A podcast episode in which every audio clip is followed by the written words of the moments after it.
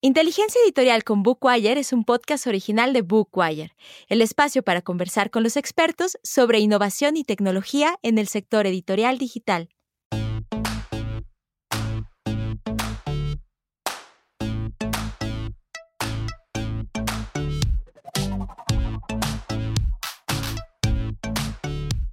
Hola, bienvenidos a Inteligencia Editorial con Bookwire. Este es un podcast original de Bookwire, creado en colaboración entre nuestras oficinas de habla hispana. Hoy nos conectamos desde Barcelona con un extraordinario invitado venido del otro lado del Atlántico, a quien presentaremos enseguida. En este episodio vamos a hablar de un invento del siglo XXI que posiblemente acabará influenciando muchas facetas de nuestra vida en el camino al siglo XXII, el blockchain o cadena de bloques y dos invenciones más que han surgido a partir de blockchain, las criptomonedas y los NFT. Para abordar este tema del que mucho se habla pero del que se cuestiona más, está aquí mi compañero Javier del Puerto, Business Developer y Account Manager de Bookwire España. Hola Javier, ¿qué tal? Hola Julia, ¿qué hay? Eh, pues Javier, uno de los sectores en los que se está adentrando el blockchain es el mundo editorial, en el que ya ha hecho sus pinitos. Como ha sucedido cada vez que alguna innovación irrumpe en el ámbito del libro, surgen escépticos y devotos. Y entre los entusiastas se encuentra nuestro invitado de hoy, Radamés Molina, editor de Lingua Ediciones. Rado nació en La Habana, Cuba. Actualmente vive en Barcelona, con otro pie en Estados Unidos, entre Nueva York y Miami. Fue editor en Paidós hasta cofundar Lingua Editorial en el año 2002, que a día de hoy atesora un catálogo de casi 1.500 títulos, una colección tan hermosa como única y que como todo tesoro que se precie contiene auténticas joyas, la mayor de las cuales ha convertido en NFT, de lo cual hablaremos más adelante. Bienvenido, Rado. Hola, ¿qué tal? Muchas gracias por invitarme. A la par que Lingua Editorial desarrolló Lingua Semántica, que creo, Rado, que ya en Cosmópolis, que es el encuentro bienal de literatura amplificada en Barcelona, del 2013, asistí a una charla tuya en la que hablabas de este proyecto. Cuéntanos brevemente, por favor, qué es y en qué punto se encuentra. Sí. Lingua Semantic es un proyecto basado en tecnología de la, de la web semántica con el interés de conseguir lo que llamamos, no es una invención mía, lectura aumentada. ¿Y qué es lectura aumentada? La lectura aumentada consiste en dotar a los documentos digitales de herramientas de comprensión para que todo sea comprensible y todo sea accesible sin necesidad de teclear o buscar en una caja de búsqueda. Entonces, ese es un poco el criterio. Y mi interés es convertir mi catálogo en un catálogo aumentado en ese sentido, en que se puedan conectar los libros entre sí, se puedan conectar con materiales multimedia y, una serie de cosas más. Y creo que también, bueno, creo no, he trabajado para que sea utilizable más allá de mi propio catálogo en cualquier sector editorial. ¿no? ¿Y tiene algo incorporado de inteligencia artificial? He visto que recientemente has cambiado incluso el logo por lengua AI. Sí, empezamos trabajando con algoritmos directamente de la web semántica, pero hemos ido evolucionando hacia algoritmos de machine learning, aprendizaje en interacción con los usuarios. Y de ahí se ha convertido en una herramienta realmente basada en inteligencia artificial. Estupendo. Muy bien, pues volviendo al asunto que nos reúne aquí, el blockchain, las cadenas de bloques o blockchain, explicaré brevemente lo que son, cómo funcionan y para qué sirven. En mi opinión, y no sé si estarás de acuerdo, Rado, la parte técnica de blockchain es mucho más fácil de entender que la conceptual, es decir, qué significa, para qué sirve, qué problemas soluciona. ¿Qué opinas, Rado? Sí, sí, porque realmente tiene tantas utilidades y tantas posibilidades que, son prácticamente infinitas. Una descripción puede ser un párrafo, pero qué se puede hacer con blockchain es muchísimo más. Sí es. Podemos pensar en blockchain como una estructura de datos que se agrupan en bloques. Estos bloques se encadenan unos a otros mediante técnicas criptográficas que validan y consolidan esta información de modo que es inmodificable. Esta información es pública y anónima y todas las transacciones todas las transacciones son difundidas a una red de pares o nodos que las validan y son las que efectivamente crean y encadenan estos bloques a cambio de un incentivo en forma de token. De modo que tenemos un sistema de almacenamiento de información y transacciones que es, en primer lugar, seguro por la validación criptográfica de los datos, en segundo lugar, público, es decir, verificable, y eh, en tercer lugar, descentralizado. No tiene un punto único de gestión. ¿Qué tal lo estoy haciendo, Rado? ¿Estás de acuerdo hasta ahora? ¿Añadirías algo más? No, no, creo que someramente es eso. Vale, Y sobre esta red de cadenas de bloques hay un elemento que no, nos podemos, que no podemos obviar, que es el Bitcoin. Eh, el Bitcoin nació en noviembre del año 2008, por una, creado por una persona, un grupo de personas bajo el seudónimo Satoshi Nakamoto, que inventaron la primera criptomoneda de la historia al publicar un documento técnico, un white paper, que describe en ocho páginas lo que será el Bitcoin. Y más sobre los bitcoins. Se generan realizando una serie de cálculos matemáticos de complejidad creciente que realizan los mineros. Rado, ¿tú has pensado alguna vez en dedicarte a la minería? Porque por una parte has de darte prisa y por la otra tienes mucho tiempo. Ahora, ahora te explico por qué. ¿Has pensado alguna vez? Comentar que mi padre era geólogo, así que pura, pura coincidencia, pero aparte de eso no, no me interesaba por la minería. No, no, yo estoy interesado en los contenidos y creo que hay otro, otro campo diferente dentro del propio mundo de las criptomonedas. Ok. Efectivamente, se les llama mineros, a pesar de que se parecen más a informáticos, porque el trabajo de computación que realizan para validar las transacciones les proporciona una recompensa en forma de Bitcoin. La cantidad que reciben por el minado está determinado que se reduzca a la mitad aproximadamente cada cuatro años, como las Olimpiadas, y además en el mismo año. Y la cantidad total de Bitcoin que existirá también está predeterminada, 21 millones. La última vez que hice recuento, en marzo del 2021, había 18.660.000 Bitcoin, la buena noticia es que, puesto que la cantidad de Bitcoin generada, generados va disminuyendo, se estima que el último Bitcoin se minará en el año 2140. Y el último 3% del total de Bitcoin se tardará en minar 110 años. ¿Cómo lo ves? Wow. Supera el tiempo de un plan de negocios. sí, sí. Además, el Bitcoin ya es moneda de curso legal en El Salvador. ¿Tú crees que esto se va a desarrollar en otros países? Lo veo complicado. Creo que a corto plazo soy optimista con la difusión de las criptomonedas, pero creo que las políticas oficiales y los estados centrales no van a estar muy a favor del asunto, honestamente. Vamos a ver qué pasa. Soy optimista, pero no creo que tenga que dependa de la mano del Estado la expansión de este tipo de tecnología. Bien, pues Bitcoin, por tanto, funciona sobre una red de cadenas de bloques o blockchain, que es la red Bitcoin, pero no es lo mismo. Hoy en día existen miles de criptomonedas con diferentes características, entre las que hay que destacar Ethereum, cuya moneda, el Ether, es la que se utiliza en, la mayoría de las transacciones de NFT. Y llegamos por fin al NFT, que es el momento que esperaba Rado. Si no es indiscreción, ¿puedo preguntarte si posees algún NFT? Sí.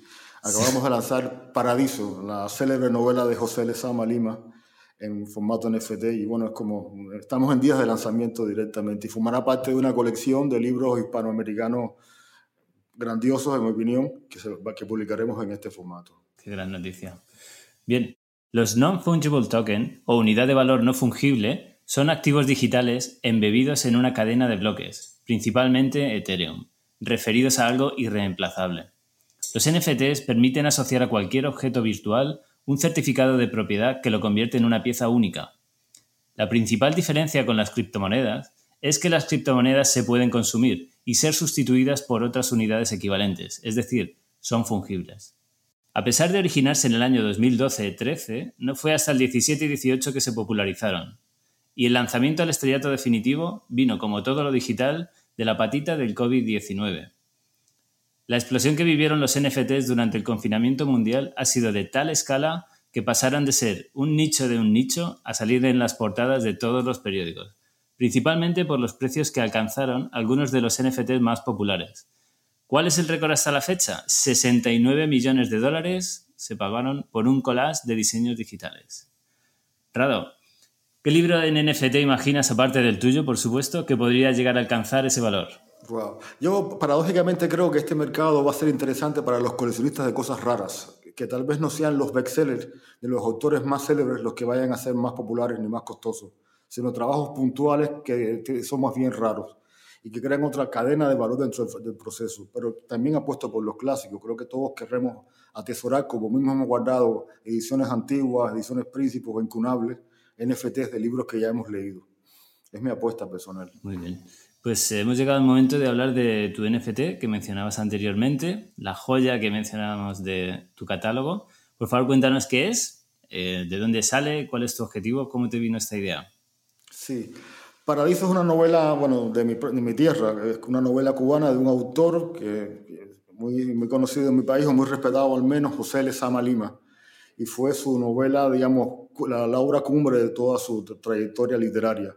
Fue un libro muy polémico en Cuba, incluso fue acusado de pornográfico, tal cual, y retirado de las librerías, pero es paradójicamente un libro tremendamente barroco y tremendamente culterano. Entonces, suena casi paradojal que un libro tan culterano y tan lleno de citas eruditísimas a todo tipo de literatura haya sido acusado de pornográfico, aunque tenga un elemento evidentemente erótico en la novela.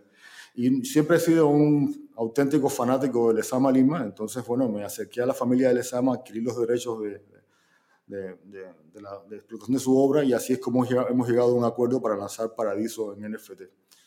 Un poco la historia. Y, soy un devoto de ese autor realmente, lo he leído mucho y con mucho fervor, la verdad.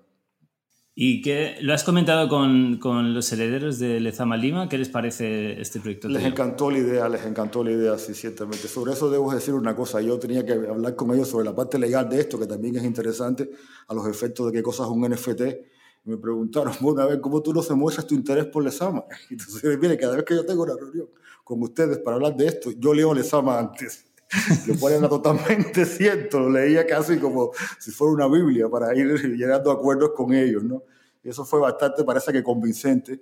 Y a la vez también ellos son entusiastas de las tecnologías, no son gente que esté apartada de este mundo y no lo vieron como una herejía en ningún sentido. En ese sentido, y en todo fantástico, la verdad. También debo comentar que digamos, para mí hay una doble vertiente con el tema de mi actividad como editor. Como hago libros clásicos, muchos de ellos son eh, libros de, sin, digamos, sin derechos de autor, su copyright ha caducado. Pero este, en este caso es un libro que tiene copyright. Y para mí todo el tema de cómo son los contratos digitales para este tipo de, procesos son particularmente eh, interesantes cuando hay herederos o personas vivas que, están, que también participan de lo que es un negocio duro y puro, más allá de, de la actividad literaria propiamente dicha. Sí, precisamente eh, te quería preguntar si ves algún paralelismo entre los NFTs en el mundo editorial y los libros de coleccionista, eh, de arte, los libros de, de, viejos, si ves algún paralelismo entre estos dos mundos. Sí, eh, por supuesto que sí, y después hay un tipo de, digamos, por, por, primera vez hay un único ecosistema para ambos sectores. A mí me pasa, por ejemplo, con los libros que hago, que llevo literalmente 20 años imprimiendo, casi de principio, en impresión bajo demanda, que hay libros que he impreso literalmente 20 ejemplares en todo el tiempo de, la editorial. Entonces me los encuentro en Amazon de segunda mano a 700 o a 1500 dólares. Y claro, para mí es como, wow, pero eh, yo estoy separado de ese sector. Una vez que he vendido un libro al precio de venta al público, yo no percibo nada como editor ni como en ninguno de estos procesos. Y el NFT crea un único ecosistema en el que el editor puede seguir recibiendo, el editor y los herederos o los autores seguir recibiendo beneficios de las reventas de un libro. Eso también es una cosa muy innovadora que, digamos, entronca con el mundo de los libros de coleccionistas, pero crea un nuevo ecosistema eh, único en el que ambas cosas pueden coexistir sin que haya, sin que, sin que unos u otros hagan, digamos, em, perjudicados. ¿Y ves el sistema de los contratos inteligentes, que es, por así decirlo, una evolución de estos NFTs como algo que puede incorporarse al mundo editorial, de modo que al hacer una reventa de un libro, el autor original, el traductor, incluso el ilustrador o el editor, no contigo, llegue a percibir eh, derechos? Sí, sí, hay un aspecto técnico de eso que yo confieso que no, no, digamos, aquí se mezclan cosas legales y técnicas, hemos hecho los primeros contratos, pero digamos, yo creo que no me atrevería a hacer un vaticinio, eh, digamos, 100%, bueno, nunca se puede hacer tal cosa, un vaticinio muy 100% seguro, pero digamos, creo que la evolución depende de las exigencias de, de cada, de los legales, de los autores, editores y gente implicada en el mundo editorial y la tecnología y puede ser muy minucioso. Si uno puede poner en un contrato eh, porcentajes minimísimos a, percibir por cada uno de los elementos de la cadena de valor. También otro aspecto para, para los pequeños editores es el tema de literalmente la facturación. Básicamente, como está todo en blockchain, cada uno de los que están, participan del contrato reciben sus regalías sin intervención humana o sin intervención del editor. Una vez que se pacta, uno puede hacer que cada cual reciba sus pagos en criptomonedas sistemáticamente en un acuerdo determinado con toda la periodicidad que se requiera. Entonces, donde voy es que este primer contrato es el más sencillo que, que quisimos para entendernos todos rápidamente e ir sobre la marcha, pero las posibilidades son tan infinitas como las necesidades.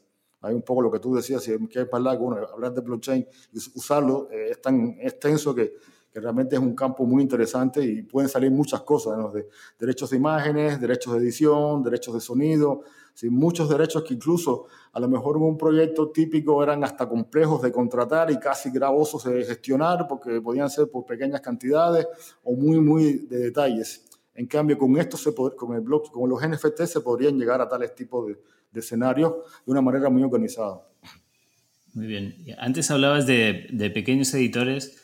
Si imaginábamos que nos está escuchando editores en, en, todo el mundo, aquí en España, en Latinoamérica, ¿crees que esto es algo que les pueda interesar a ellos? ¿Que ¿Crees que ellos puedan, que todos los editores pueden aplicar los NFTs a su catálogo? ¿Crees que es algo que aplica a una parte de algunos catálogos? ¿Cuál es tu consejo para que tendrías que decir a, a, a editores del mundo? A ver, yo creo que servirá para todos, francamente. Ya preferiría yo ser el único, pero no, no puedo ser tan, tan egoísta. ¿no? Creo que, que, no, que hay una revolución de trasfondo en esto que, que puede afectar a todos. Otra cosa es, digamos, yo siempre he querido estar humildemente en la última tecnología que hay en el mundo editorial pero a veces el entusiasmo no va a la par de las necesidades o la, los hábitos de consumo de la gente.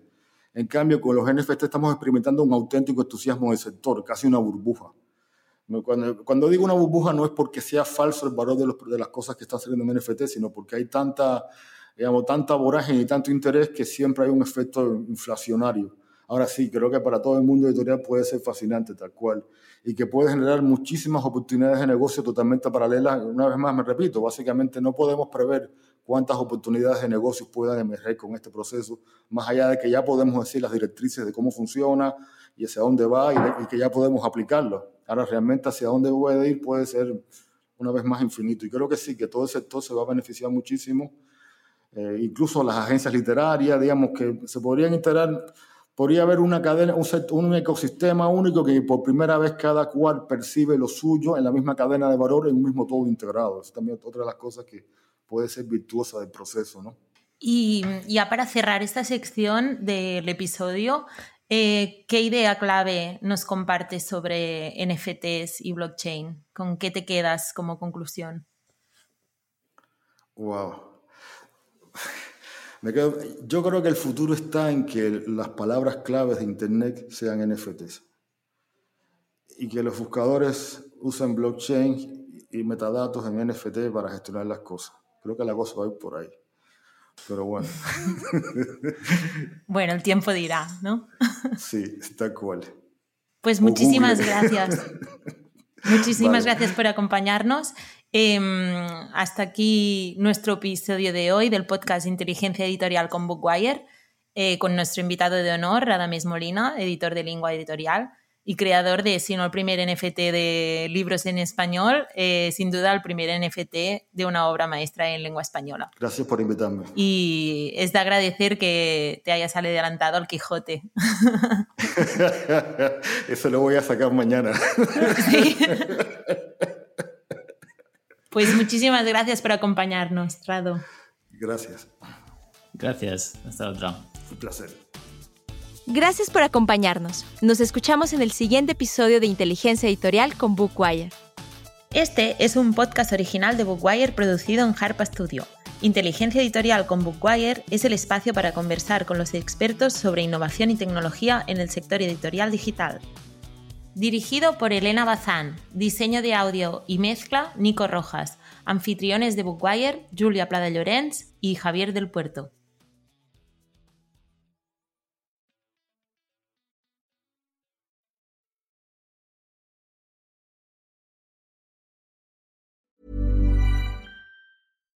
Hi, I'm Daniel, founder of Pretty Litter. Cats and cat owners deserve better than any old-fashioned litter. That's why I teamed up with scientists and veterinarians to create Pretty Litter. Its innovative crystal formula has superior odor control and weighs up to 80% less than clay litter. Pretty Litter even monitors health by changing colors to help detect early signs of potential illness. It's the world's smartest kitty litter. Go to prettylitter.com and use code ACAST for 20% off your first order and a free cat toy. Terms and conditions apply. See site for details.